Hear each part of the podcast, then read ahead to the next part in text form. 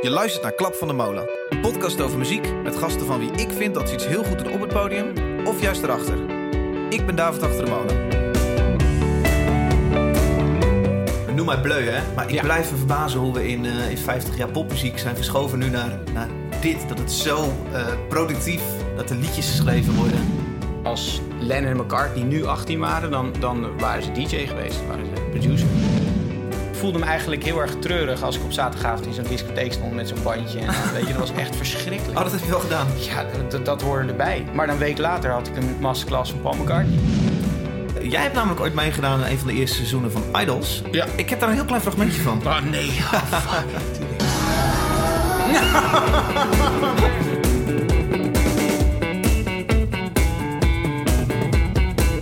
Dag luisteraar, welkom bij een nieuwe aflevering Klap van de Molen. Voordat we beginnen, er is een nieuwe masterpatron voor Klap van de Molen. Eh, dat is namelijk Herman Nijkamp. Hij eh, sponsort deze podcast voor 20 euro per maand.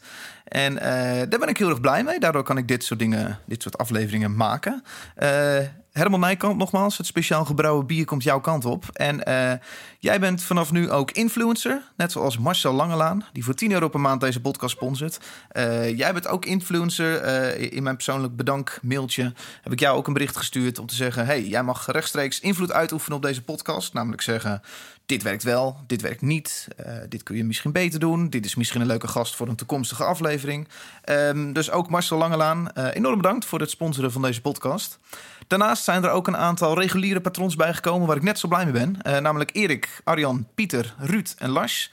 Eh, tevens patrons van deze podcast. En de mensen eh, die deze podcast mogelijk maken. Die zorgen dat ik kan doen wat ik doe. Namelijk ehm, zonder heel veel invloed van buitenaf, grote bedrijven. maken wat ik het meest interessant vind om te maken. Vragen stellen die ik graag zelf wil stellen. Ehm, dus mocht je nu luisteren en ook patron willen worden, waarbij je ook de aflevering als allereerste hoort, en nou, er horen allemaal andere leuke cadeautjes bij, eh, dan kun je naar patreon.com slash klap van de molen gaan. En daar kun jij ook eh, jezelf inschrijven als lid en sponsor van deze podcast. Eh, die link staat ook in de show notes. Dat is patreon.com slash klap van de molen. Oké. In de titel van deze aflevering lees je de term ghost producer. Er is veel om te doen en zelfs na deze aflevering zit ik te zoeken naar de juiste woorden voor wat het grote verschil is eh, tussen een ghostwriter ten opzichte van een gewone songwriter. Het belangrijkste blijkt de vraag: krijgt de maker van het liedje eer voor zijn werk als creatieveling? Wordt deze genoemd in de titel, of in ieder geval in het digitale songboekje, eh, horende bij de hit in kwestie? Of wordt er 200 euro betaald voor een liedje waarna de DJ zelf zegt de creatieveling te zijn? En is dat wel erg als de maker van het nummer hier gewoon vrede mee heeft? Misschien niet, maar het is dan wel goed dat jij dit in ieder geval weet. Als wakkere muziekluisteraar wil je toch weten dat het echte talent zit bij eh, iemand anders misschien. Want zou dit afdoen aan het beeld van die geniale DJ? De illusie dat dit bijzondere talent zowel de hele wereld over kan vliegen als non-stop aan magnum opusjes schrijven in zijn studio. Voor managers, platenmaatschappijen en de media is dit namelijk wel een lucratief verhaal dat mensen ook echt wel willen horen. Nou goed, ik loop op de zaken vooruit. Ik heb ooit een liedje geschreven met een songwriter die ik ken, genaamd Christon. Toen ik hem belde en het idee uitlegde om samen een aflevering te maken over zijn werk, voelde ik dat hij voorzichtig werd met praten over zijn beroep. Als songwriter, je werkt gewoon veel samen met mensen. En dat kan op verschillende vlakken. En eh, ghostwriting heb je nog wel eens eh, in de dance. Dat, er, dat je voor eh, andere mensen werkt. Dat mensen dat bijvoorbeeld afkopen. Ja. En dan zeggen, nou, ik heb dit gemaakt. En daar hou ik mezelf niet mee bezig. Dus toen dacht ik even, ja, weet je, ik spreek liever over dingen waar ik verstand van heb. Dus Ja, dus het verschil tussen een songwriter en een ghostwriter is... een ghostwriter, dan wordt het afgekocht. Nou ja, dan blijf je erg op de achtergrond. Ja, daar word je ook niet meer genoemd. Nee, nee, bijvoorbeeld. Ja, ja, En bij Marco Bassato is bekend dat Johnny Eubank bijvoorbeeld. zijn nummers heeft geschreven. Hij krijgt Ja. ook credits op de plaat. Is dat het grote verschil? Dat is het, ja, dat is het grootste verschil. Dus dat, eh, en dat is natuurlijk, er is een eh, discussie soms gaande. En eh, we hebben net ADE gehad bijvoorbeeld. En dan hebben mensen het erover van, ja, maar wat doen die DJ's nou zelf? Nou, en die, die gebruiken bijvoorbeeld veel ghostwriters. Ja. En ik, daarom wilde ik even weten van, oh, bedoel je dat? Is dat wat je interessant vond? Toen zei hij, nou, ik weet het verschil niet. Dus begin daar maar eens toch mee ja, uit te precies. leggen. Ja. dus, Dus, eh, jij bent meer een songwriter. mhm. Iemand wiens naam op de, op de plaat staat. Je hebt daar een anagram voor bedacht.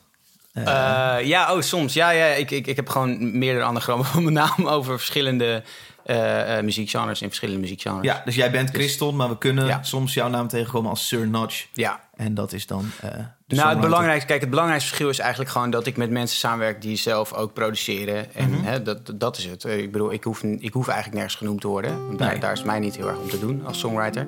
Maar het gaat er meer om dat de mensen met wie ik samenwerk, die, die maken ook echt zelf muziek. Ja, Dus dat is het verschil. want ik voel, daar zit iets. Is dat, is dat een taboe? Voor sommige mensen, als, als de wereld nieuw is voor hun, is dat, is dat taboe. Ik, ik, eh, ik, vind, ik vind het heel grappig dat dus, je hebt eh, eh, bijvoorbeeld meisjes van tien en die denken dan echt van... Oh, One Direction maakt niet hun eigen muziek. Want in hun beleving maken Ja. zij dat dan ook bijvoorbeeld zelf. Ja, dat is het grote verschil. En dat zijn dan ghostwriters die bij One Direction. Nee, dat heeft meer mee te maken hoe, eh, de, wat de beleving is. Dat zijn ook songwriters. Maar het is gewoon natuurlijk zo dat een meisje gewoon die tien... niet doorprikken. Nee, en die denken daar ook niet over na. Dus die zijn daar eigenlijk gewoon niet mee bezig. Ja, En ja, in mijn ogen hoeft dat ook helemaal niet. ja. Dus, eh, maar ik dacht van ja, is, is dat je invalshoek? Van, Ja, eh, van- dat bedoelde ik eigenlijk. Ja, ja, ja. Was meer, ik was meer op mijn hoede voor de, voor de, Ja, precies. Voor de voor journalist voor de David. journalist David. Ja, precies. Ja. Hey, ik, wil het, eh, ik vind het heel leuk om met een paar dingen over te kletsen met jou. We hebben namelijk zelf een keer wat geschreven. Jij schrijft fulltime, dit is gewoon echt jouw werk, Ja. nummers. Dat vind ik heel interessant. Ja, en ook verveelt dat niet dus. En ook misschien de vraag, baal je soms niet dus van anders met credits er vandoor gaat? Eh, nou, het lijkt me leuk om eh, ook wel zo meteen wat stukjes te gaan luisteren. ja, Eh, als jij er klaar voor bent, gaan we beginnen. tof. What do you do when you're no longer cool now? No longer the singer of the band. But your face is alright for the radio. Go fishing and drinking and listen to the show. This is the soundtrack for tequila. The sun on your face in your pickup truck. Grab your moonshine and whiskey and fire up that grill. You're listening to Hit from the Windmill. This is a hit from the Windmill. Zo, ja, onze eh, ontmoeting samen eh, eh, was, ik denk, een jaar geleden. Wij deelden dezelfde manager, Wilfried Ja. Dalman. Ja. En eh, die belde mij eens en hij zei... joh, David, eh, Spinning Records, grote eh, dance label... is wel geïnteresseerd in, in jouw stem. Zou je het niet tof vinden om eens een liedje samen te schrijven met Christon? Iemand Ja. die vaker liedjes schrijft voor Spinning.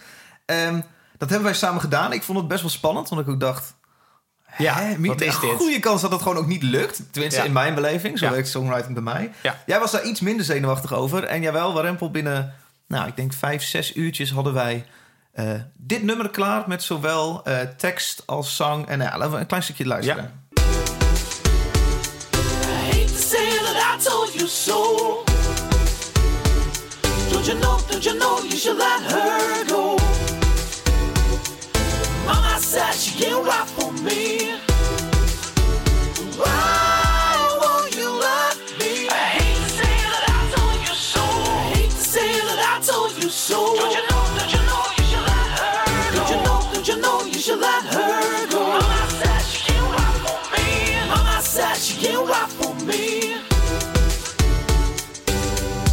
Even op het gitaartje.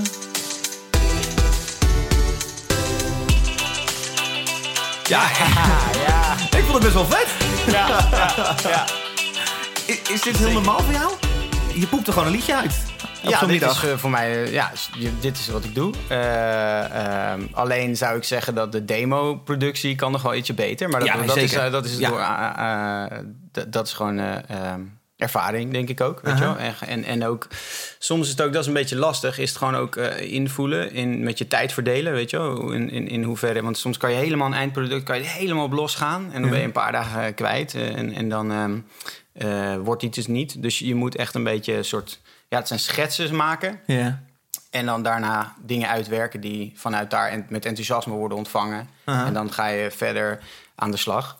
Ja. Ik denk dat wij hier gewoon ver eh, gewoon avant-gardistisch bezig gaan nemen. We hadden een soort eh, reggae-achtig vibeje. Hè? Ja. Dat wat je op het laatst hoorde met gitaar en zo. Ja. Ik denk nog steeds dat het super vet is. Ja. En ik denk dat het ook heel tof is als verschillende werelden elkaar ontmoeten. Ja. Dus ik denk dat eh, de rauwheid van jou dan heel tof is juist om met hele catchy hooks in zo'n omgeving waar heel veel candy klinkt, zeg maar, in de productie en zo. Ik denk dat het heel gaaf is om dat wat contrast te geven met juist een, bijvoorbeeld een rauwe stem. Ja. Ja. Oké, zo- zoiets is dan samengesteld door onze manager Wilfried. Eh, dat, eh, vertel even hoe dat verder gaat. Dit liedje was af, zeg in zijn demofase. Ja, ja. Ehm, jij bent vervolgens eh, dat gaan sturen naar Spinning. Ja, volgens mij. hoe ging dat in zijn werk? Nou, dat is dan iemand die eh, een ENR bijvoorbeeld, weet Mhm. je wel, die je normaal gesproken ook bij eh platenlabels hebt. En die heb je ook bij publishers. Ja. En die luistert dan naar en die weet dan van, nou, ik wil het daar neerleggen of ik, dit, dit is een goede ervoor. Dus hij en- bedenkt, joh, welke DJ past bij dit geluid? Wie kan, Ja. kan hier een vette Ja, remix en als ik me ding- goed kan herinneren, dan waren zij daar al enthousiast over. Dus, en ook over jou. Dus Ja. op zich. Eh, maar zoals ik heb wel heb geleerd, is eh, ik eh, als songwriter, daar verbazen denk ik de meeste mensen zich over. Schrijf je tien liedjes waarvan één ding het wordt. Ja. En dat, dus je, je, je schrijft negen liedjes die op de plank komen. Ja, dus in twee maanden Dat is- tijd ben je elke dag aan het schrijven. En Ja. eh, je bent heel blij als in die twee maanden één van al die nummers iets wordt. Ja, ja, en dan heb je bijvoorbeeld... Er, zijn, er komen wel vaak meerdere releases van. Alleen dan is het van die releases ook nog eens natuurlijk... dat, dat eh, heel veel dingen eh, niet goed uitpakken. Ja. Dus ja, je gaat voor dat ene grote ding. Alleen eh, wat voor mij eh, het belangrijkste is... is dat ik vind gewoon verschillende liedjes leuk maken leuk. En, Mhm. en dan laat ik het resultaat iets meer los. Ja. Dus ja, dan heb ik alsnog gewoon 20 songs gemaakt... die Ja. ik heel tof vind. Ja. En of daar dan wat mee gebeurt of niet... dat heb ik aan het eind van de maand natuurlijk wel nodig. Want Ja. anders kan ik mijn huur niet betalen. Ja. Maar het, heeft, het is voor mij niet, eh, merk ik, per se de drijfveer. Nee. Eh, even dit liedje ging zijn weg naar eh, de, de, de ENR-man bij Spinning. Mhm. Eh, ik zie er dan voor me dat ze dan in een kamer zitten met de bewuste DJ die ze gekozen hebben van dit is tof voor hem. En dan met z'n allen naar een aantal nummers gaan luisteren. Ja. Waar deze ja. dan bij stond. Ja, ja, Is hem niet geworden. ja. Eh, Wat ik heel erg gek vond. Want ik dacht, Ja. verdomme, dit was zo'n Ja, goed liedje. Ik vond het heel goed refrein. Ja. Eh, mocht er nu iemand luisteren die zegt... eh, ik wil dit... eh, ja, precies. Ik wil dit gebruiken. Voel je vrij, want hij ligt maar eh, nu gewoon eh, te liggen. ver weggestopt mapje op mijn eh, Mac. Ja. Eh, maar ehm, ja, ik, ik, vond het, ik vond het jammer. Ik baal, ik baal echt van, verdorie, hè? Ik snap Ja. het niet. Ja. Voor jou is dit heel normaal. Ja. Nee, ja, ik, ik, eh, dat, die teleurstelling of zo merk ik, dat is bij mij dan helemaal weg. Ja, Eh, en ik denk dat het met het tempo te maken heeft ook dat ik het eigenlijk ook niet eens meer weet. Dus, dus je vraagt het nu en de- dat heeft niks te maken met eh ten nadele bijvoorbeeld van dit liedje dan. Maar dat is dan heel snel weg, merk ik ook in mijn geheugen. Ja. Dus ik Je weet, ik door niet eens meer hoe, ja, dus ik weet eigenlijk niet eens meer hoe het gelopen is toen. Eh, maar wat, ik, wat grappig is, wat me wel bijblijft, is dat ehm, de sessie zelf.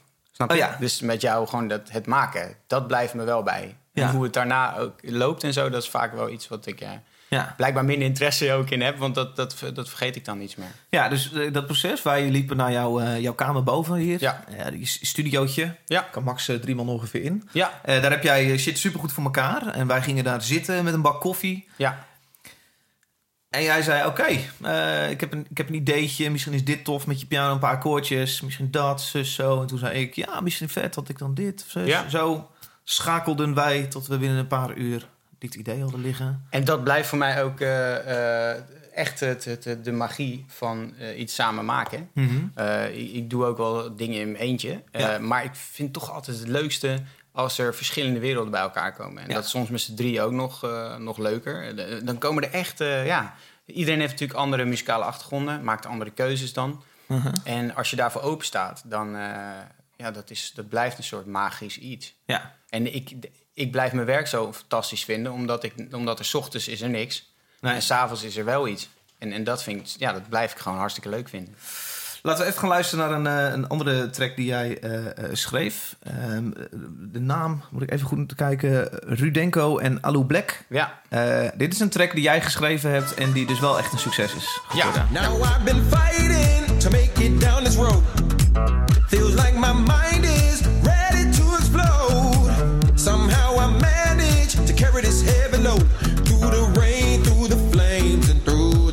Snow.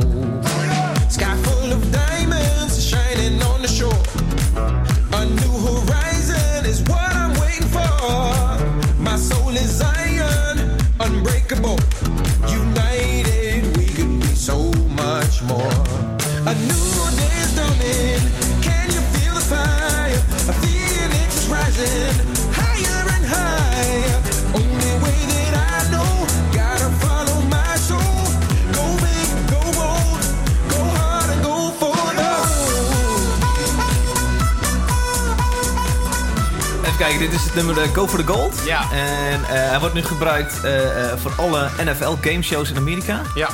Dat is een, dat is een major ding. Ja, dat is ook hartstikke tof. Eh, nou weet ik niet of het aan het liedje ligt of aan Hallo Black. want ja, als je een superster op je liedje hebt, dan eh, gaan er opeens andere deuren open. Ja. Maar nee, dit was hartstikke leuk. En dit is nou ook zo'n ding wat via publishers dan komt. Ik werk met Stefan Morrison veel samen. Hele, go- hele goede soulzanger. En, Ja, eh, die horen wij, we horen niet jouw Nee, stem. nee, je hoort Hallo Black. eh, en ik heb de demo heb ik met St- Stefan Morrison gemaakt. Oké. Eh, en dat gebeurt dus ook wel eens vaak. Dat ze in een later stadium een andere zanger erbij benaderen. En eh, Rudenko die heeft veel, die heeft bijvoorbeeld de, alle muziek voor Sochi toen, voor Olympische Spelen gemaakt en zo. Dus die, die, die eh, eh, werd nu gevraagd of die als soort eh, huis-DJ van een Fox eh, Sports, van een, een- het voetbalprogramma Mhm. tijdens het WK. eh, En daar hadden ze een liedje eh, voor nodig. Weet je, de, de Amerikaanse VI, waar dan een leuke zo, zo je- nodig zo is. moet je Ja. het zien, juist. Nou, en daar kwamen ze dus. eh, en toen kwamen wij met dit liedje. Hij had al een soort opzetje. Daar hebben we rondomheen eh, geschreven. En dan moet je je voorstellen, hebben echt honderden mensen hebben er wel aan eh, iets, iets, iets geprobeerd. Het is gewoon een pitch eigenlijk. Ja, eigenlijk wel, ja. En eh, ehm, nou, ik, heb, ik, ik was een beetje eigenwijs, want ik dacht van ja, maar het, het blijft maar steeds hetzelfde. Dus ik, ik, heb, ja, dus, eh, ik denk dat waar mijn kracht ligt, is dat ik als muzikant heel erg kan meedenken en dat ik ook productie doe. Dus dan kan ik denken van hé, hey, maar wacht eens even, moeten we niet. Hè? Dus ik heb maar eigenlijk alleen maar een coupletje eruit geknipt en een refreintje. Zo van nou, volgens mij deze eh, eh, acht maten hiermee moeten we doen. En dan wat dingen omheen gemaakt. Ja, en dat is wel leuk, want dan trigger je iemand in plaats van dat het alleen maar via e-mail of. Ja. Hè, want ik werk veel internationaal, dan gaan veel dingen natuurlijk via Skype of, of e-mail. Ja. Maar dan trigger je iemand van ja, maar eigenlijk muziek maken met z'n allen in één ruimte is eigenlijk nog steeds wel het beste. Dus het leuke is dat hij toen, toen ik een, een eerste demootje had gemaakt, is hij ook eh, eh, naar, naar Nederland gevlogen. En hebben we hier eh, samen en hebben we ook Stefan weer uitgenodigd. En we hebben met z'n drieën dat afgemaakt. Ja. En zo kom je bijvoorbeeld, omdat je gaat praten over... goh, wat is die track nou? Waarom hou je van dit soort muziek? Mhm. Waarom zitten er wat blueslicks in?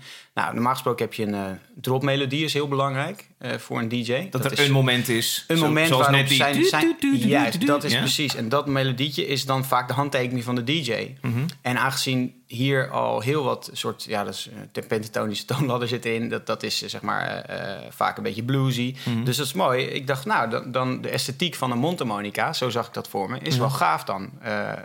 Dus vandaar dat we de dropmelodie, en ik, ik kan niet chromatisch echt dat diatonische, bedoel ik, is zo'n zo'n zo'n zo'n mondharmonica ding spelen. Nee. Ik heb ze allemaal zo, als een soort cheat codes. Ik heb ze in alle eh, eh, verschillende toonsoorten. Ja. Eh, maar ik heb hem dus gewoon gesampled eigenlijk. En een melodielijn daarop gemaakt. Ja. Maar het leuke is dat Rudenko dan weer naar huis vliegt. En die heeft in Moskou in de studio heeft hij dus een hele goede mondharmonica speler Ja. gevraagd. En die heeft dan bijvoorbeeld die melodie weer. Dus wat, wat je wel veel ziet nu... ehm, is dat, zeker binnen de dance... dat er echt allemaal verschillende mensen aan meewerken. Ja. En ik vind dat heel leuk, want daardoor ontmoet je heel veel verschillende mensen. Maar is iedereen ook met zijn eigen talent... Weet je, brengt iets naar een, een, een, een hoger niveau. Ja, heb je dan ook de teksten? Is hier Go for the Gold? Het is, Ja. het is bijna een beetje cliché, maar goed, het Ja. werkt. Je krijgt Nee, het gevoel het. van, wow, Ja. yes, let's go for it. En dan is hij erop, complementair daaraan. Ja, en het, het is zeker cliché. Die tekst heb jij geschreven dan ook? Ja, ook. Ja, ja. En eh, samen met Stefan en daar heeft eh Alo Black nog wat dingetjes aan veranderd ook. Dat hij gewoon als native speaker van, nou, dit werkt misschien beter zo. Ja. Nou, en eh, toen heeft hij het ingezongen. Dus het heeft, voor mij is het, eh, de clichés zijn er niet voor niets, hè. Nee. En je moet denken, eh, al- als ik een, iets heel specifiek maak, bijvoorbeeld voor film en tv, da- dan moet iets echt poëzie zijn. Dus Mhm. Ja. dan ga je echt een beetje, ja, dan moet het naar eh, misschien wel Nick Drake zijn of Mhm. Leonard Cohen, een beetje echt zo textueel. Ja. Maar als je weet van, ja, maar dit is voor een WK, waar ook nog eens een heleboel verschillende landen naar kijken. Mhm. Ook non-native speakers. Dus die moeten, die, die- we kunnen niks met poëzie, want dan weten ze gewoon echt niet waar het over gaat. Dus dan moet je eh, iets breder bijvoorbeeld iets neerzetten. En ook duidelijk, heel duidelijk, eigenlijk heel plat, heel duidelijk zijn in wat je wil. Go for the Gold. En, precies. Maar naast dat jij gevoel hebt voor, voor liedjes schrijven, wat, wat werkt muzikaal, eh, Mhm.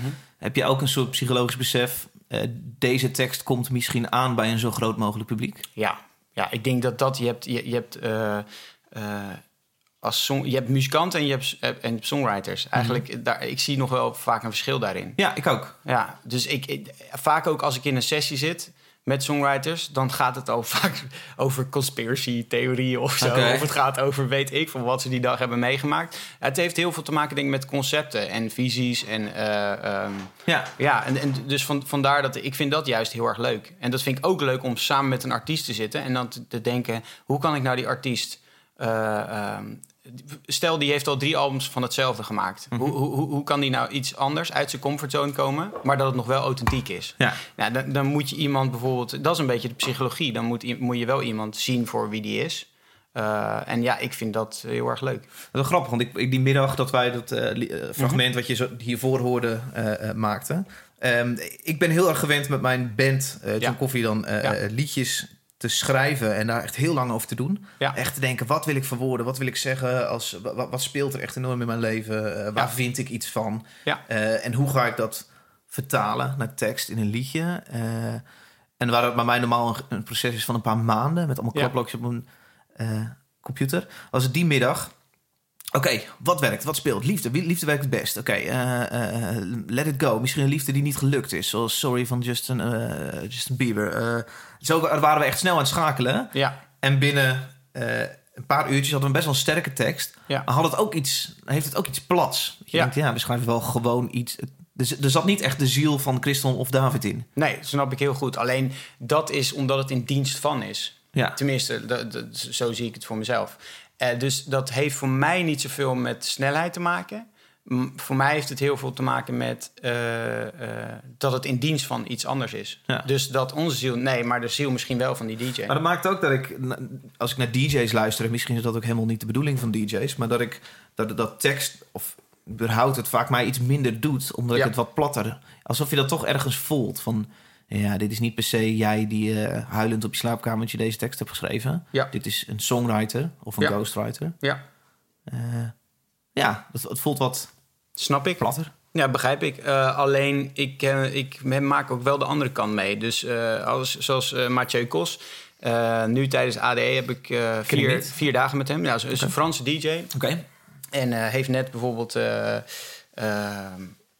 best wel een grote hit gehad met de remix van eh, Angus en Julia Stone, eh, Oké. Big Jet Plane. En dat heeft, eh, hij heeft daarna nog een paar singles uitgebracht en ik heb daar samen met hem aan gewerkt. Mhm. Ehm, hij gaat nu tekenen bij Universal Frankrijk. En die, eh, dus het was leuk om, om te zorgen dat hij met een paar hele goede verschillende zangers kon werken. Dus Ja. dat hebben we de afgelopen dagen gedaan. Ja. Maar wat hij doet, is dus eh, zijn eigen teksten opschrijven. Oké. Maar het is een Fransman, dus Engels is lastig. Ja. Eh, hij heeft wel dan bijvoorbeeld, hij heeft in Bali, hij heeft heel veel gereisd, in Australië gezeten, een paar maanden en zo. Dus het is wel een jongen die heel erg open voor verschillende culturen staat. De, eh, in plaats van het chauvinistische Franse, eh. Ja. van eh, Ja. nou, de rest is allemaal de niet kaasproducerende landen en wijnproducerende landen doen er niet toe. Dus hij, maar zijn Engels laat soms wat te wensen over. Maar hij schrijft dus echt in een klapblokje. Schrijft hij gewoon dingen op. En hij gaat mij om drie uur s'nachts dan gewoon appjes sturen van... ja, is dit misschien tof? En weet je wel. Dus het is wel degelijk zo dat wij dat dan verwoorden. Eh, maar dat het echt iets is wat... eh, het gaat zelfs over zijn leven. Dus Ja. ik heb zelfs eh, dingetjes over dat hij is... heeft in het zuiden van Frankrijk... heeft hij een beetje... ja, je moet denken dan aan Saint-Tropez en Cannes en zo. Dus een beetje de, de jet set lifestyle. Daar heeft hij gewoond en daar komt hij heel erg van terug. En hij is weer terug verhuisd naar het noorden waar hij vandaan komt. Dicht bij Nancy, bij zijn familie. En hoe anders dat is, dat klein dorpse... Ja. En Ja. het gemeenschapsgevoel. En dat soort dingen hebben wij bijvoorbeeld echt gewoon dan Ja, dus niet in alle. DJ's zijn plat. eh, Nee, nee, dat is dan echt jongen. vanuit hem, ja. Dus Dat, dat is wel grappig. En, maar daar heb je verschillen in, hè. Ik bedoel, je hebt ook eh, gasten natuurlijk die... Ja, die die denken alleen maar aan, aan Ferraris en aan eh, eh, champagne en weet ik wat allemaal. Ja, dan gaan de liedjes daarover. ja. Ja, en, en dat logisch dat je dat als, als plat ziet of hoort, Ja. voelt. Ja. Laten we nog even een fragmentje doen van een liedje die jij geschreven hebt. Even kijken hoor. Butterfly Butcher is de artiest. Het liedje heet de La Dida Song.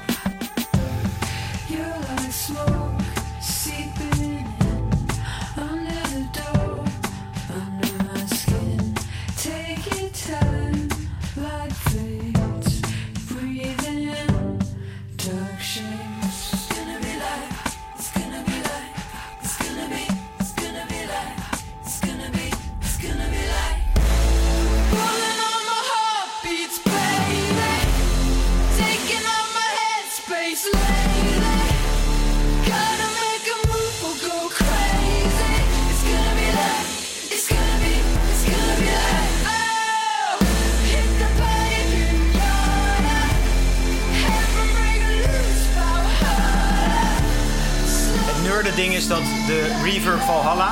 Die Sorry? zit op het woordje Valhalla. We Oké. hebben dan heel veel eh, Valhalla reverb gezet. Die plugin eh, Valhalla. Oké. Dat zijn van die neurde dingen waar Dat wij, zijn een- een grappig helemaal- Wat niemand weet. Ja, of door heeft. Hey, eh, de Ladida song wordt gebruikt in de show The Catch. Onder Ja. andere te zien op ABC. Ja. Eh, ja, het is weer gewoon een, een major ding. Ja, Daar ja, ben je heel blij mee als jij dat hoort. Ja, nee, zeker. Dit, was, eh, eh, dit is een leuk voorbeeld. Dat heb ik donderdag op een eh, camp geschreven, een Rides Camp. Wat Ja. echt alleen voor film en tv is. En op donderdagavond stuurt de zangeres stuurt dat door naar een vriend van haar. En die is te- televisieproducent. En die zei van, nou, dit is te gek. Dit moeten we gewoon morgen. En dat werd meteen in de scène gecut. En, dus de volgende dag was het al... dus ja, dat is heel gek. Maar eh, wel leuk om, eh, om mee te maken. Hoe werkt het met credits? Ik zie jouw naam hier niet bij staan. Ja, dan hebben ze het gewoon niet ingevuld. Mag jij hier zelf, onderhandel jij hierin? Zo van, oké, je hoeft mijn credits niet te gebruiken, maar dan vraag ik meer geld? Zo? Nee, nee hoor. Nee, nee, nee. Dit is niet... Oh, je bedoelt credits, je bedoelt in de... In jouw de- naam in- eh, nu in de titel of Oh, in de titel. Nee, nee, maar daar ben ik helemaal niet meer mee bezig. Nee, nee. Dit, dit is echt gewoon... eh, zij eh, heeft dat ingezongen. Is zelf artieste. Een hele goede artieste. Oké. En dan is het voor mij een eer dat zij dat onder haar naam bijvoorbeeld dan wil uitbrengen. Ja. Dus het is eigenlijk... Dat het een release heeft gekregen is leuk. komt erbij. Maar het was eigenlijk natuurlijk gewoon dan voor film en tv. Dus het heeft eigenlijk een ander doel ook. Ja. Ehm, maar het, het, is weer, het onderstreept voor mij weer hoe leuk mijn werk is. Omdat zij komt uit eh, Australië. Mhm. En eh, eh, je zegt dat goed of Nieuw-Zeeland? Nee, Australië. En zij eh, is naar Nashville gekomen en woont, hier al, eh, woont daar al tien jaar of zo. Mhm. Nou, eh, de producer is eh eh, eh, Ruslan en die komt uit Rusland. En die, heeft dus, die is ook eh, weet je, naar Amerika vertrokken Ja. en nu naar Nashville gekomen. Dus dan krijg je allemaal, dan heb je een gekke eh, Nederlander. En die komen dus met z'n drieën eh, daarbij. ja. En, en, en deze sessie eh, herinner ik, dit blijft me ook echt bij. Omdat we namelijk allemaal echt gewoon een beetje, dit was gewoon een soort weirdness. En dat we allemaal, de, je krijgt vaak een brief Mhm. waarin ze zeggen van nou... eh, Ja, maar nu heb je het over een writers camp. Ja. Volgens mij moet je dat even uitleggen, want dan Oh ja, mensen ja. denken wie, hoe, wat. Ja. Een writers camp. Ja, dat is gewoon eh, zeg maar eh, allemaal songwriters, producers, vocalisten. Die komen allemaal naar een bepaalde plek toe. Mhm. En dan eh, moet je je voorstellen, het soort groep 8 zomerkamp eh, gevoel. Ja, je bent net terug uit Nashville twee weken. Ja, dat was een writers camp. Ja, nou, dat, die was dan alleen eh, die, die was solo dan. Want het was gewoon een trip voor mij. Maar normaal gesproken ga ik ook vaak daar naar camps, inderdaad. Maar zoals nu met ADE heb je ook rondom ADE. we hebben heel veel publishers hebben hun eigen writers camp. En dan komen dus, in- omdat het ADE is, komen er DJ's samen met songwriters en, en zangers. En dan moet in een paar dagen tijd moet de magic gebeuren. Ja, en dat moet dan op zo'n dag. En dat is vaak ook wel een song per dag. En eh, dan is het, eh, ja, eh, word je ingedeeld en dan kijken wat eruit komt. En sommige camps zijn beter georganiseerd dan andere. Dus ik merk wel dat hoe beter er over na is gedacht wat er zou kunnen gebeuren, hoe, hoe beter het resultaat ook wel is.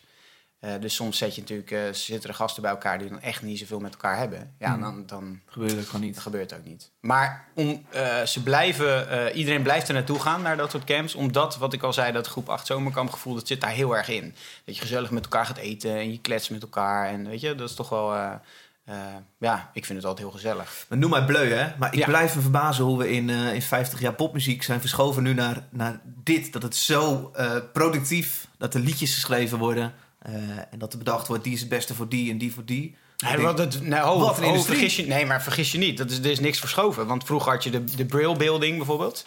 Eh, en als je het hebt over st- en Stax, Motown, weet ik wat. dan, Mhm. eh, dan had je, volgens mij was het Stax inderdaad, die echt, die had een writers room. Die zaten daar de liedjes te schrijven. Daarnaast waren, was het de muzikanten, de studio, waar ze meteen werden opgenomen. Mhm. Ja. En daarna werd het meteen door drie verschillende artiesten Dus ingezongen. de A&R-man die, was al lang, eh, die bestond al lang in Dat, wa- 1960. dat was toen echt zo, ja zeker. Dat was al eh, in de 50s eigenlijk gewoon dat je die dingen en, en, en die Great American Songbook dingen. En die gasten waren ook verschrikkelijk goed.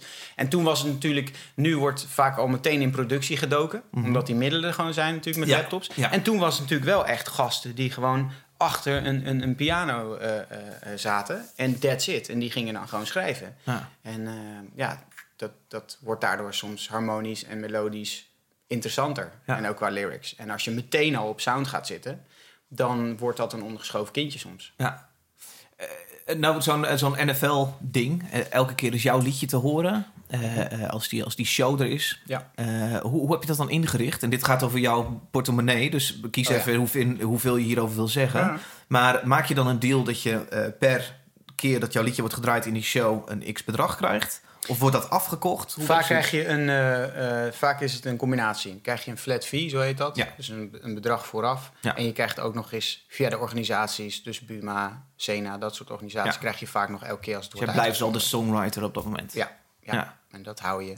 Eh, songwriters zijn een beetje soms achtergesteld op streaminggebied. Mhm. En er zijn artiesten die, die dat nou, lullig vinden, weet ik niet hoe, hoe je dat moet omschrijven. Maar die geven je dan bijvoorbeeld ook wat royalties, masterrecht eigenlijk op de, op de, op de muziek zelf. Ja, dus die CD, even, heel ouderwets, die Ja. CD komt uit en die Ja. CD is ook voor 1% van jou. Bijvoorbeeld, ja. En dat doen ze dan 1% om- royalties ja, eh, om- omdat ze weten dat songwriters zo onderbetaald worden. Ja. Dat ze weten van ja, als ik die, eh, die gasten wil blijven eh, motiveren en eh, wil blijven vragen. Dan, Maar zo'n flat fee is moeilijk, man. Want eh, je hebt nu waarschijnlijk een flat fee gekregen, ook, ook dus voor die NFL game eh, shows. ja, bijvoorbeeld, ja. Ehm, maar dan denk je, ja, god, waar, waar moet je dat op zetten? Wat is dit product waard? En tegelijkertijd doe je, zit je met een pool van misschien 100 songwriters en zeggen ze, ja, maar die Christel is veel te duur. We pakken wel dat liedje. Ja, Het is, het lijkt me super, een hele grote gok om te bepalen. ja ik, en heb, ik heb geen flauw idee en da- daarom doe ik dat ook niet zelf. Ik, ik, ik heb geen flauw idee wat dat dat, doet is. Wilfried. Ja, dat manager. doet Wilfried Daman, mijn manager. En die is daar hartstikke goed in. Eh, en die doet dat dan natuurlijk ook weer in samenspraak met publishers. eh, Ja. die, en, en die weten trouwens wel wat marktconform natuurlijk vaak is. Mhm. Eh, en je hebt vaak ook nog licensing companies ertussen. Dus mensen die eh, eh, de muziek echt alleen maar onder series plaatsen. Die weten dan ook wel, want die weten nog wat er vorige week is gebeurd. En ik, eh, eh, dus die weten nu wat ze dan ook weer kunnen vragen. Ja. Ik heb alleen, ik heb diezelfde vraag hoor, die jij hebt. En die blijf ik houden. Ja. En dan komen de gekste antwoorden. Eh, dus er was iemand en die zei... ehm, een music supervisor van een televisieshow. Dat is het fijne van in Amerika werken. Dan, dan komen vaak die, die supervisors komen gewoon dan ook langs. Dus die kan je gewoon dingen vragen. Ja. En toen vroeg ik ook, ja, maar hoe kan het nou dat de ene keer krijg ik heel veel geld... de andere keer bijna niks? Ja. Hoe kan dat? En toen zei ze, nou, de grap is... dat kan soms ook te maken hebben met... als mijn geld van dat seizoen al op is...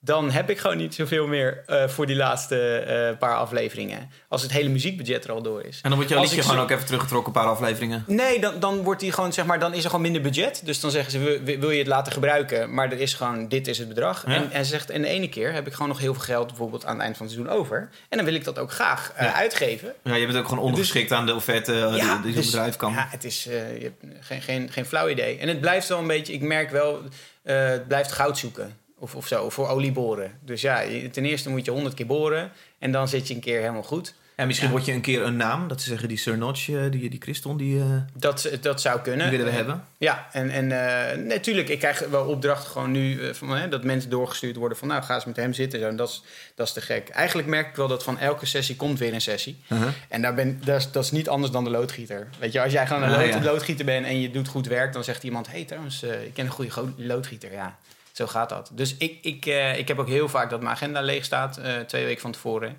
En dan daarna is eh, mijn hele agenda weer vol. Dus ik. Ja.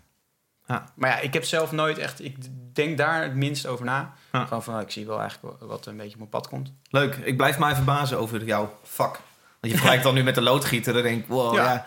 wat, wat grappig. Want ik, ik zie muziek nooit zo als zoiets praktisch. Maar Ja. ik snap wel weer dat jij dat... Ja, dat het dus wel... Ja, heel erg. Ik zie het heel erg zo. Dus, maar ja, dat komt gewoon. Ik, hou- ik hou niet zo van dat verhevene en zo. Dus Nee. dat, dat, dat is gewoon. Ja. eh, Een liedje is goed of een liedje is niet zo goed. Maar laten we niet, eh, laten we niet te moeilijk doen over eh, ja, dat een artiest geniaal is. Of... ja, dat. Nee, dat, dat, maar dat heeft gewoon meer. Dus misschien ook een mensvisie. Of Is er één artiest die jij geniaal zou willen noemen? Ja, die is heel cliché. Maar Jeff Buckley vind ik dan wel het dichtstbij daar komen, denk ik. Maar, of Brian Wilson bijvoorbeeld, weet je. Ja. Dan heb je iemand die is 24 en die, die, die heeft dan eh, ehm, tien albums al gemaakt en geproduceerd. En, Ja. eh, alleen, ik ben iemand, en dat zit gewoon in mijn karakter... die alle valse romantiek eruit wil slopen. Dus ik hou wel van de romantiek, maar de valse romantiek Ja. is... eh, je moet wel weten dat, dat Brian Wilson heeft de mooiste dingen gemaakt. En alle muziekcritici zullen zeggen... ja, maar als je nou Pet Sounds, dat is gewoon een, weet je, alsof het uit de hemel eh, komt, weet je. Zo mooi. Ja, dat is prima. Maar hij, hij heeft maar één keer op een surfplank gestaan. En daarna, hij was er volgens mij ook afgeflikkerd meteen... en had iets, eh, weet je, een wondje aan zijn kin. Hij, wel- eh, zo van, dat deed hij gewoon niet. Dus die romantieke huide graagheid. Nou ja, want, want, daar, want de platenmaatschappij zei gewoon van... nou, wat is nu in? Ja, je moet over auto's schrijven, over surfen, want dat is hè, eh, in en dingen. Dus hij, hij schreef gewoon over wat er toen eh, ontzettend in was. en eh, ik heb eh, best wel wat heat gekregen van mensen die... ehm, oh, ik ben die Amerikaan, het Nederlandse woord kwijt. Sorry, ik hoorde mezelf heat zeggen. Dat is echt verschrikkelijk. Maar goed. Er waren wat journalisten die een beetje op Twitter of zo... mij wat kritisch benaderden. Omdat ik had gezegd... als Lennon en McCartney nu 18 waren... dan, dan waren ze DJ geweest. Dan waren ze producer geweest. En eh, ik denk dat nog steeds. Weet je, dat waren toen namelijk de, de, de snelle gasten, weet je, de snelle jongens uit de klas. Het waren niet de nerds of zo, weet je. Dat waren wel echt gewoon de binkies. Dat heel goed hadden- door waar ze mee bezig waren. Het was niet een beetje drugs gebruiken en een Nee, gitaartje joh, riedelen. nee. En, en, maar die, die waren ook echt... eh, de, de gitaar was toen... Dan, als het stoere binky, dan speelde je gewoon eh rock and roll, weet je wel. Dan ging je Chuck Berry, dat soort dingen, dat ging je nadoen. En ehm, ja, eh, nu zouden zij volgens mij dan gewoon... Of urban of zoiets, zouden ze in die stroom zitten. Ja. Zij zouden niet iets namaken wat nu in de jaren 60... eh, of wat in de jaren 60 veel gemaakt werd. En mijn hart ligt daar nog steeds. Ja. Hè? Eh, qua songwriting en zo, is echt te gek. Alleen, ik vind dus juist heel spannend om te werken nu met... Ik bedoel, ik werk met, eh, met eh, Trobi, vind ik heel tof. Ik was 16 toen ik met hem begon te werken. Uh-huh. Nou, dat is zo'n DJ die, eh, die, die, die eh, maakt heel veel sounds met samples die, die st- uitstretcht, weet je, met heel veel met vocals en weet ik wat allemaal. Mhm. Die is, dat, dat is echt wel bezig zijn met nieuwe sound. Ja. Dus op zich, ja, ik, ik, ik, heb, ik heb daar net zoveel eh, respect voor als bijvoorbeeld... eh, ik ben met Boudewijn de Groot bezig. Met, eh, we zijn samen wat songs aan het maken. En dat, dat is voor mij een soort icoon. Dus da- daar daar ben ik ook wel redelijk wat zenuwachtig voor die sessie. of zo. mhm. Maar ik heb daar net zoveel respect voor eigenlijk... voor wat, wat zo'n jonge gast doet. Oh ja? Met de sounds, ja. En, maar als Boudewijn dan hier en hij komt met teksten en met, met, met melodieën... dat ik echt denk, wow, oké, dat dit Ja. is even de meeste aan het werk. Ehm, maar het zijn voor mij, ik heb daar niet echt een soort waardeoordeel over van het een is dan Beter. beter dan het ander of zo. Wij schreven het fragment wat ik aan het begin liet horen. Ik ga hem nog een keer laten horen. Nee, dat ga ik niet. Nee, alsjeblieft niet. En ik bedacht me, eh, hij, eh, eh, stel je voor dit, eh, dit wordt opgepikt en dit gaat dan een een hit worden. Ja. Dan is er iemand anders die er vandoor gaat met de eer, terwijl wij dat hebben gemaakt. Ja, ja, te gek toch? Nee? Oh, nee? oh, dat- Heb jij nooit eh, zoiets van, nee. dat het jeukt? Nee, nee, nee. Ik heb echt in, ik heb bijvoorbeeld, dat vroeg mijn broer ook wel eens. Ik heb echt met, eh, met hem bijvoorbeeld met een biertje en dan hadden we zo'n zo'n bandje, zo'n VIP-bandje of zo. En dan dat was een DJ en dan sta je in zo'n zaal, 20.000 man. En dan Ja. soms eh, staat mijn stem namelijk ook nog wel op, op, op dat soort tracks. Nou, en dan heb je dus 20.000 man die gaan helemaal uit een dak. Ja. En die DJ die rijdt in zijn in zijn in zijn En Christel die rijdt hier in zijn En ik rijd hier- Fiesta Ja, dat is het. Rijd. Ja, precies, dat is het. Ja, ja. Maar dat, eh, ja, dan, dan moet ik DJ worden. Ja, ik ben daar heel erg. eh wil jij gewoon in. niet. Nee, ik wil gewoon lekker elke dag liedjes maken. En eh, ja, dit is nou eenmaal de positie. Eh, en, eh, dus ik vind mijn. Ik heb wel degelijk een heel groot ego hoor, vergis je niet. Maar mijn ego zit dan in dat die mensen dat liedje aan het zingen zijn. Daar, daar zit mijn. dat ik denk, yes, te gek. En ik hoef dan niet per se van dat ik dan degene ben die op het podium het applaus krijgt. Sterker nog, daar had ik dus in mijn artiestendagen heel erg veel moeite mee. Er waren artiestendagen, eh Eh, jij hebt namelijk ooit meegedaan aan een van de eerste seizoenen van Idols. Ja. Ik heb daar een heel klein fragmentje van. Oh nee, oh, fuck, tuurlijk.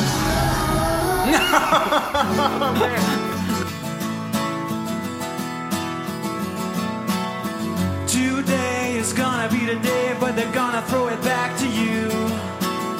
And by now, you should have somehow realized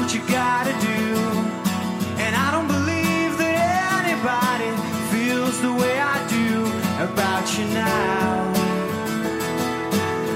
Backbeat, the word is on the street that the fire in your heart is out. And I'm sure. Ja, yes, jij, Oh man, ja. wat vind je van om dit terug te horen? Eh, ja, het is een beetje valsig, maar dat maakt niet uit. Ehm, Nou, dat valt mij mee. Het is niet dat ik daarom Ja. het fragment heb op- uitgezocht. ja, ja. Nou, ik, eh, ik mocht wel een, een- die avond naar huis, ja. Want als je dan een liedje van Oasis zingt, dan eh, ja. Ja, het werkt toch minder goed, denk ik, op de RTL 4 zaterdagavond. Kijk jij met plezier terug op zo'n periode? Nee, nee, oh, dat vond ik verschrikkelijk. Dat was toen al zo, ja. Dus, eh, maar dat maakt niet uit. Het was gewoon een beetje opportun eh, gedrag, omdat ik... Ik had een liedje geschreven voor Boris het jaar daarvoor. Eh, het was niet, is niet geworden trouwens. De hoor, winnaar van seizoen 2, uh, Boris. en Ja. er is niks mee gebeurd ook. Ik heb de backing vocals voor Mout voor haar album ingezongen. Dat was de, nu- De nummer runner-up, 2 de van seizoen twee, ja. 2. En toen dacht ik, ah, ik was eerstejaars conservatorium. En toen dacht ik, ik doe dus allemaal werk voor mensen hè, die, die, die, die daar meedoen. Toen Ja. dacht ik, ja, dan moet ik dat misschien zelf ook eens doen. Oké. Want ik had een tas met liedjes. En toch het gevoel, ik wil wel op een podium staan? Eh, ja, ja, want ik had- maar dat bedoel ik. Dat, dat is gewoon die ego-shift, denk ik. Dat, eh, ik denk dat er weinig jongens zijn van 14 die voor een spiegel staan en dan denken: ja, ik word songwriter. of zo. Ja, dat, want je weet niet eens dat het bestaat. Ik wist niet, snap je? Ik wist niet eens dat dat kon. Hè? Nee. Dat je elke dag gewoon lekker liedjes met anderen kon maken.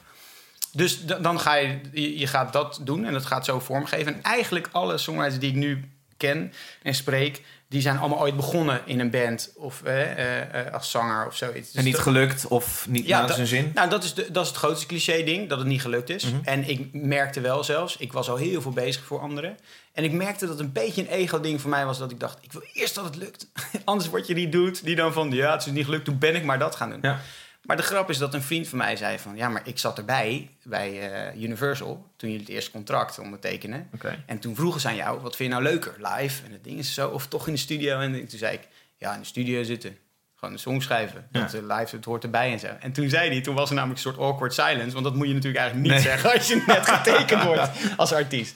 Dus ja, hij zegt, dus grappig dat je dat toen al, met je eerste eh, album Ja. toen al dat zo zei. Want hoe gaat het in zijn werk? Dit was seizoen 3 van Idols, het jaar van eh eh, Raffaella en Floortje. Ja. Raffaella was toen zwanger, dus die kon direct... Ja, zeg maar, de al- tournee, dat ging niet gebeuren, want ze moest gewoon eerst bevallen. Ja, maar dat was natuurlijk wel een mooie verhaal. Voor tv is dat natuurlijk een, een, een, Ja. een goede verhaallijn. mij heeft zij zelfs nog acht jaar later opnieuw meegedaan en weer gewonnen. Is dat, klopt dat? Ja, kan. Ja. Nou, ik... ik eh, ja, oh ja, dat kan natuurlijk met een ander eh, Maar hoe ging het in de werk? Want jij, werd, eh, jij zat wel in, dit was een live show die we hoorden. Ja, ja, dus vier live shows. Mocht ik naar huis. Oké, dus je werd zesde. Ja, En toen, nou ja, het was dat jaar, dat is een beetje gek. Het was dat jaar 13 eh finalisten. Oké, in plaats bent van 10, negende. Ik weet niet waarom. Maar je hebt ja. het wel van Universal contract. Dus Nou, dat als- kwam later. Het, eigenlijk was het zo dat ik werd een beetje met de nek aangekeken. Want nu heb je met The Voice, is het, heeft het iets meer een betere naam gekregen. Maar Idols was toen natuurlijk wel echt, dat deed je niet. Als je op het consortium zat en je was met, echt serieus met muziek bezig... dan had je het over Jimi Hendrix, eh, gitaarsolo's, bootlegs. Hè, en dan dan had je het niet, eh, deed je dat niet. Ik heb dat gevoel nog steeds bij The Voice hoor. En Ja, dat alle andere ik. auditieprogramma's waar je, je, Ja, je televisiewaarde als persoon even heel hoog is en daarna kel dat als een malle. Ja, en, eh, en wat eigenlijk dus gewoon, als, als je, ik vind gewoon, je moet in je achterhoofd houden, het is gewoon een televisieprogramma. Het is gewoon amusement, zaterdagavond. Ik ken heel veel gezinnen. Er is alleen die- geen enkele deelnemer die dat in zijn achterhoofd heeft. Nee, nee, nee. ik, ik, ik misschien wel iets te snel al. Waardoor ik dat soort dingen allemaal niet aan mee wilde doen. Ik wilde ook niet dat mijn ouders op de eerste rij... en dat is dan zo'n emo-moment en weet ik wat. eh, ik weet nog de eerste eh, ding, theaterronde of zoiets... waar je doorkwam. Toen had ik ook niemand gevraagd. Dus toen was het een heel lullig moment... dat de presentator mij dan maar opving onderaan die trap. Ik wilde dat soort dingen allemaal niet. Oké. Daar waren zij natuurlijk ook niet zo blij mee. Want ze willen, het, gaat Ze willen die Je willen ja. tranen, je willen, Ja. nou, en dat is ook prima. Dus ik schop er ook niet tegenaan. Nee. Het was alleen niet, ik kijk er niet, nee, daarom niet op terug zo van, goh, leuk. En eh, wat wel grappig is, is dat omdat ik toen dat, die stappen had gezet, toen kwam er daarna een vraag voor XYP. Dat was een jongens- en meisjesgroepje. En toen vroegen ze een Engels slash Nederlands eh, groepje. En daar vroegen ze van, nou, wil je daar auditie voor doen? Ja. En dus wel, wat ik toen wel dacht van, ja, nou ja, ik ben al die, eh, die commerciële kant op gegaan. Mhm. Nou, misschien moet ik dat eens gaan onderzoeken. Eh, dat is uiteindelijk echt heel anders geworden dan van tevoren zeiden ze. Ja, het wordt mama's en papa's en de, de Beatles achter. En de, de, de, de close harmony zang, Mhm. dat wordt belangrijk. En uiteindelijk werd het dus toch wel gewoon echt een teenage groepje. Daarom ben ik er ook vrij snel weer uitgestapt. Ja. Alleen voor mezelf heb ik geanalyseerd. Ik zat toen vrij jong al met van die echte hitschrijvers. Hè? Van die echte kanonnen. Ja. Dus die gasten die toen al voor, voor eh, Britney Spears, eh, voor, voor de Spice Girls... eh, Maar dat werden jouw voorbeelden. nou, ik vond het. Ik, toen merkte ik wel van dit is gaaf, dit zijn toffe gasten. Omdat ze ook alle dingen, alle facetten van de muziek voelden, begrepen.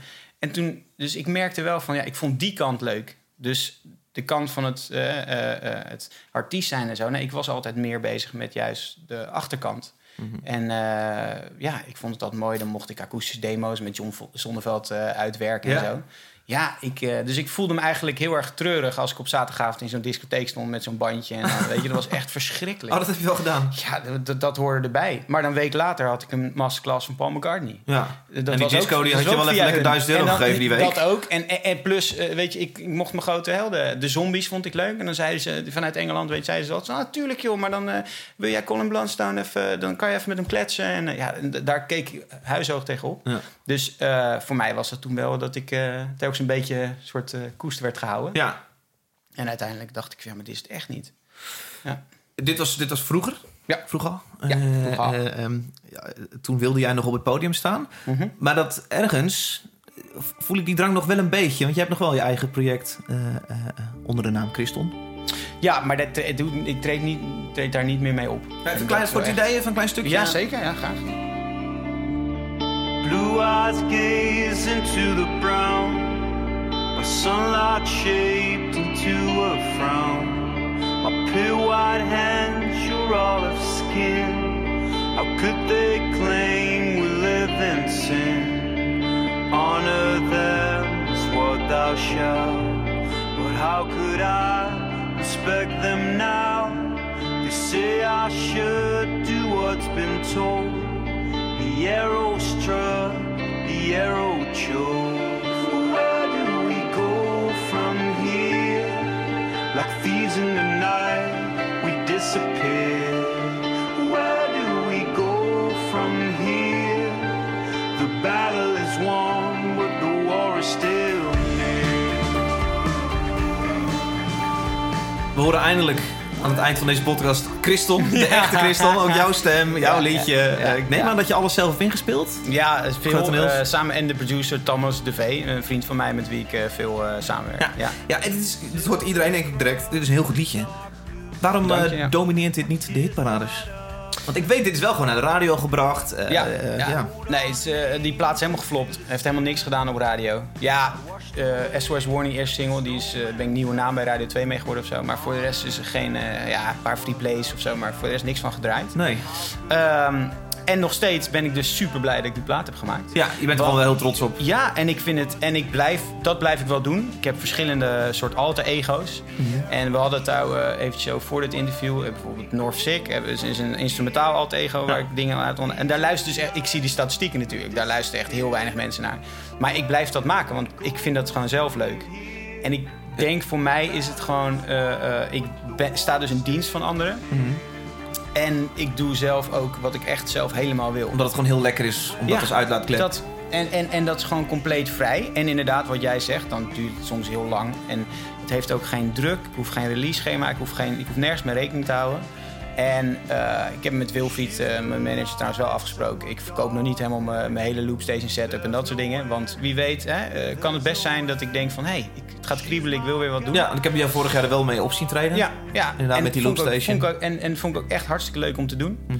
Alleen, eh, en het leuke is als songwriter, dan kan je dus ook weer, als je voor anderen ook werkt, kan je dus ook weer iets puurder staan in wat je zelf doet. Mhm. Dus ik heb bijvoorbeeld een, eh, een voorprogramma tour met Case Choice gedaan. Mhm. En dat deed ik echt puur uit liefhebberij. Gewoon omdat ik dat vroeger heel tof vond. Ja. En ik vond gewoon, ik dacht, ja, dat vind ik leuk om met die gasten op pad te gaan. Ja. Dan kan je dat soort keuzes iets, iets meer maken. Maar ja, ik, ehm, voor mij is het denk ik. eh, ik vond het grappig, Kobe Bryant. Ik ben een, ba- grote basketbalfan. En Kobe Bryant die zegt van: I'm a student of the game. Zo zegt hij dat als basketbalspeler. Dus hij zegt: Ik wil alle facetten kunnen begrijpen. En eigenlijk zie ik dat voor mezelf als muziek. I'm a student of the game. Ik vind het dus leuk om al die verschillende muzieksoorten te kunnen begrijpen. Mhm. Dus ik vind het leuk als ik met DJ's zit en dat het de ene keer moet het eh, eh, bijvoorbeeld, nou, we gaan maken Cubaanse muziek. Dan kan ik, dan ga ik dus echt, eh, ga ik gewoon dagenlang alleen maar Cubaanse muziek luisteren. En dan ga ik dan uitzoeken. En dan komt er bijvoorbeeld ook een, soms een Puerto Ricaans instrument, zo'n quattro. En die ga ik dan, dat ga ik dan leren van hoe, hoe kan ik dat Ja. eh, eigen maken. Eh, en de andere keer is het van, ja, nee, het moet, het moet een beetje jazzy en zo. Dan duik ik weer heel erg juist in de voicings, op, op piano. Dus het soort uitdaging. Dus het, het feit dat ik dus al die verschillende muziekstijlen eh, mag gaan... eh, voor mijn werk mag gaan eh, klooien. Dat is een soort Shaki in de chocoladefabriek voor Mhm. Ja, mij. Of in de snoepwinkel, hoe zeg je dat? En het tweede is gewoon al die verschillende soorten mensen. Ja. Want of je nou inderdaad met iemand samenwerkt die nu inmiddels 75 is of van 16. eh, ja, uit verschillende culturen. Omdat het internationaal is. Dus ik vind het heel leuk om met Rudenko is Russisch... om met hem te hebben over hoe dat voor hem nou was om op te groeien daar. Eh, en ik vind het ook heel leuk om bijvoorbeeld ook in Nederland, weet je wel... met een reggae-zanger, weet je wel... om te kijken om, hoe, ehm, ja, hoe hij in het leven staat. Ja. Dat, dat maakt mijn leven... Ja, ik vind dat fantastisch. Over die, die plaat van jezelf zeg je kaart geflopt. Ja. Waar ligt, wat ligt dat dan aan? Ja, ik heb geen flauw idee. Want het ligt niet aan, je- nou, aan je schrijft goede liedjes. Ja. En toch is dat blijkbaar niet alles wat nodig is. Nee, oh, maar dat is, kijk, dat is zo oud als de weg naar Rome. Ik bedoel, de artiest moet ook heel erg interessant zijn. Hè? Ben je dan Dus, niet eh, interessant? Nou, ik, ik, ik heb wel echt in een hoop meetings gezeten en zo, waar, waar dat ter sprake kwam en zo. Dat ik, ik, ik ben niet heel erg eh, uitgesproken, bijvoorbeeld. Hè? Dus, eh, en, en ik wil dat ook eigenlijk niet zo heel erg. Ehm, dus ja, ik, ik gelukkig zijn. Ik, ik krijg ook, ik, ik werk, omdat ik veel met artiesten blijf werken, die hebben ook iets heel uitgesproken. En die weten ook wat ze graag willen uitstralen. En hoe ze de- die zijn daar ook heel erg mee bezig. En, en ik, ja, mij boeit dat eigenlijk niet. En voor mij, eh, tijdens mijn rugbyperiode met de band. Ja, eh, ja eh, vergeet het te noemen, maar inderdaad, Ja. Ja. was jouw band. Ja, dat en kunnen toen- mensen toen- zeker kennen. Ja, maar toen, toen en, en toen, dat mag je eerlijk weten, toen zat ik echt wel een soort in een spagaat, weet je wel? Dat je dan een soort, ja, allemaal verschillende dingen probeert, inderdaad, om dan toch maar op de radio te blijven. Waarom? Als je dan namelijk niet op de radio bent, speel je ook niet. En je wil zo graag spelen met z'n allen, Mhm. Ja. hè? dat soort dingen. Ja. Dus dat is gewoon, eh, ja, hoeveel concessies doe je dan? Dat, en en dat, dat, dat hele deel van het artiestschap, dat vond, ja, vond ik, eh, vind ik nog steeds blijf, vind ik lastig. Ja. Dus ik, eh, ik geniet dus juist heel erg van de, van de andere mensen die die krent in de pap zijn of zo. ja, omdat die het beter kunnen, die jouw liedje misschien beter kunnen verkopen. heel erg beter. Nou ja, en ook eh, voor mij komt het dan pas tot leven. Alsof ik een soort script heb geschreven.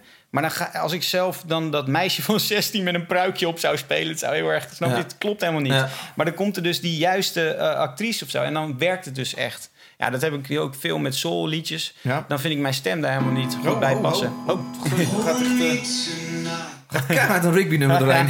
ik was me aan het klaarzetten namelijk. Ja. Nee, maar dan, dan gaat het dus echt... eh, eh, dan vind ik het heel leuk dat als een soulzanger dan... met zijn stemgeluid, echt Ja. een beetje Otis Redding-achtig...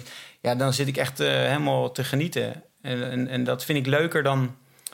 telkens dezelfde nummers blijven spelen. Ja. Ik weet niet hoe jij dat ervaarde, maar eh, ik had op een gegeven moment wel dat dan telkens diezelfde liedjes blijven spelen achter elkaar. Daar werd ik wel, ja, dacht ik van, pff, Ja, dat is een, be- een beetje noodzakelijk kwaad als artiest inderdaad. En dat moet Ja. je ervoor opgeven. Ja. Eh, om, eh, we hadden het net inderdaad ook al voordat we begonnen even over. Ik denk 140 shows per jaar. ja, Ehm, eigenlijk ben je dan al lang voorbij het proces dat je je liedjes nog... eh, tenminste, ik als zanger Ja, in ieder geval...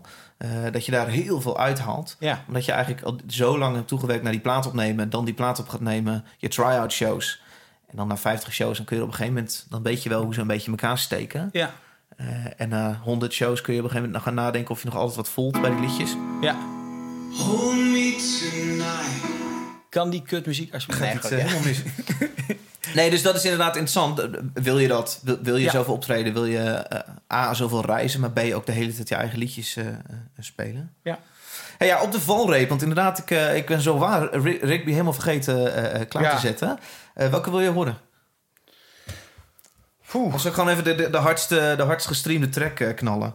Earth Meets Water met... eh, nou, we gaan er 6 miljoen overheen. Nee joh, Met, eh, weg gek. Oh. Nee, nee, nee. Als, wat ik wel leuk zou vinden... Is Mensen moeten het wel echt kunnen kennen. Ja, maar ik denk dat bijvoorbeeld Parade of zo... dat mensen dat wel kennen. Een van onze eerste liedjes. Oké. Ik, dat doet mij namelijk een beetje terugdenken aan dat rauwe ding van met je vriendjes en dan gewoon gaan, weet je, knallen. Aha. En, en als ik iets leuk vind, want dat is het leuke van het bandleven bijvoorbeeld. Ik zat laatst weer met eh, Lars, dat is dus mijn maatje, mijn, mijn rugbymaatje vanaf dag één. En dat, dat, dat- dus eh, eh, dat, dat, ik zat met hem en Fredo, de oude gitarist, zat Mhm. ik in de, lekker te barbecue of zo. En toen kwam voor het eerst weer dat ik alle leuke verhalen terugkwam. Dus zeg maar, hè, dat heb je, als je aan een band, hè, dan heb je, het was veel struggles en het was lastig en zo. En dan is het heel leuk dat nu opeens die, die, eh, die jongensboek eh, Ja. eh, avonturen of zo, die komen nu dan langzaamaan bovendrijven en dat voert nu de boventoon. En dat vind ik heel leuk. En dat, dat- zoiets doet me daar heel erg aan denken.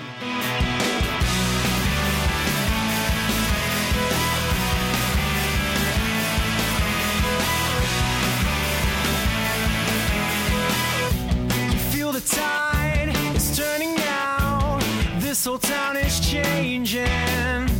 The status quo is one man show, and we are gonna break it. And they understand. This is gonna. Ja, maar dat is echt leuk. Zo, eh, ik weet niet hoe je met John Coffee of, of je met die gasten wel eens bij elkaar weer eh, bent. Of, eh, Ja, af en toe. ja. Ja. dan is het leuk toch? Als, je- als je dat soort. eh, Ja, joh. Ja, dan bedoel je de dromen uitwisselen, het, eh, het, het Ja, van verhalen uitwisselen ja, over wat je ooit hebt gedaan. ja. Ja. Ja, dat vind ik leuk. Dat, dat, eh, eh, ik merk trouwens wel, dat ik, ik vond het nooit leuk om naar concert te gaan. Omdat je dus zoveel aan het spelen bent. En dan Oké. heb je daar zo... Al En andere, merk- al andere eh, ja, en ik merk nu dus, heel grappig, dat ik denk van ja, ik eh, weet je, en, ik, niks leuker dan als je met een artiest werkt en dat je die dan komt eh, bekijken of zo. Oké. En niet alleen dat hij dan ons liedje speelt, dat, dat- daar gaat nu niet eens ook, ook als hij dat een- niet in zijn setlist zo, maar gewoon om dat dan zo te zien. Ik merk Ja. opeens dat ik dus echt gewoon met, met gooie, grote grijns op Lowlands weer sta. Ja. of Zo. Leuk, dus ja, dat is Ja. iets waard. ja. ja. La- laatste vraag. Eh, ehm, ik kan me nu zo voorstellen dat mensen luisteren die ook in een beentje zitten of die zelf songwriter zijn eh, en dan misschien niet fulltime, eh misschien nog in de kinderschoenen. Is er één tip die jij als songwriter kan geven aan andere mensen waarvan je zegt, ja, als je een liedje gaat schrijven, begin hiermee. Let hierop. Vergeet dit absoluut niet.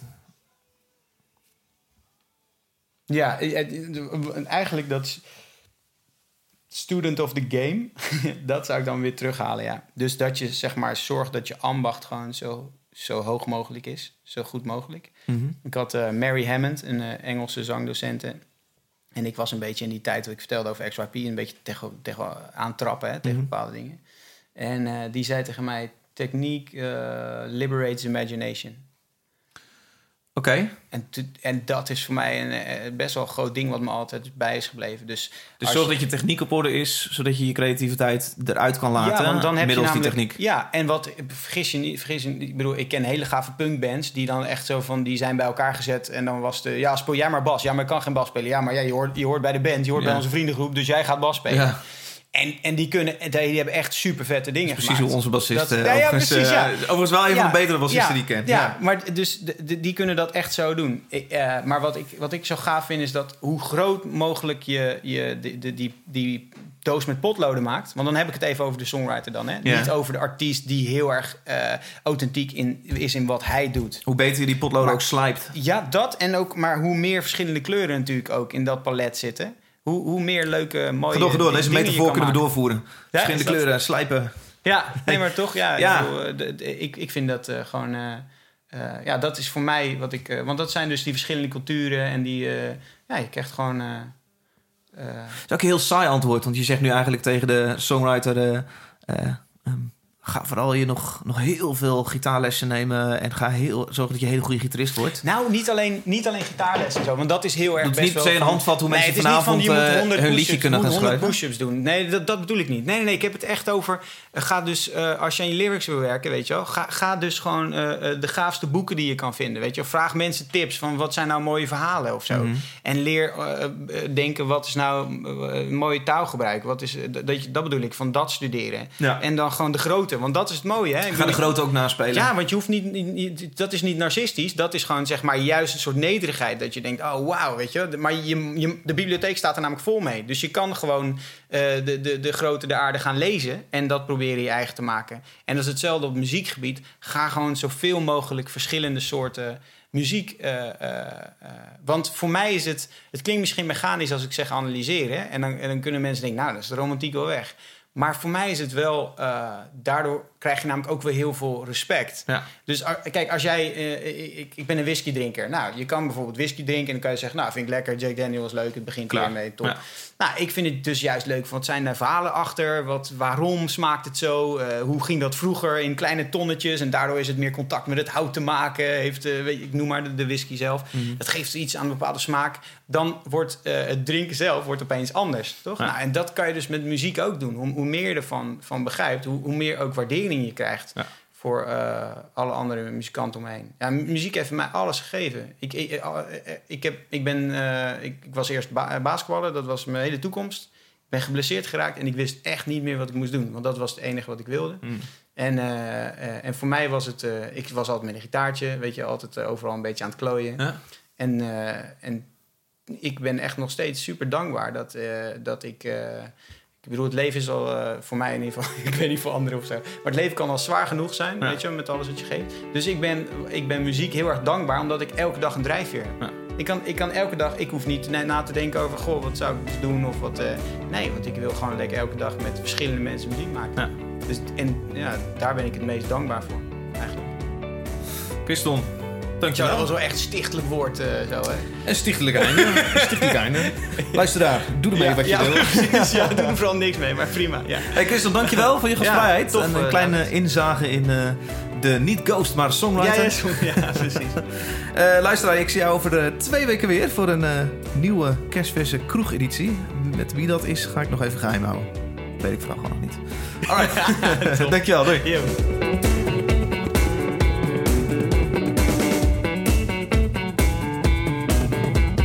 Vond je dit nou een toffe aflevering? Dan is deze podcast uiteraard te volgen op Facebook, Instagram en Twitter.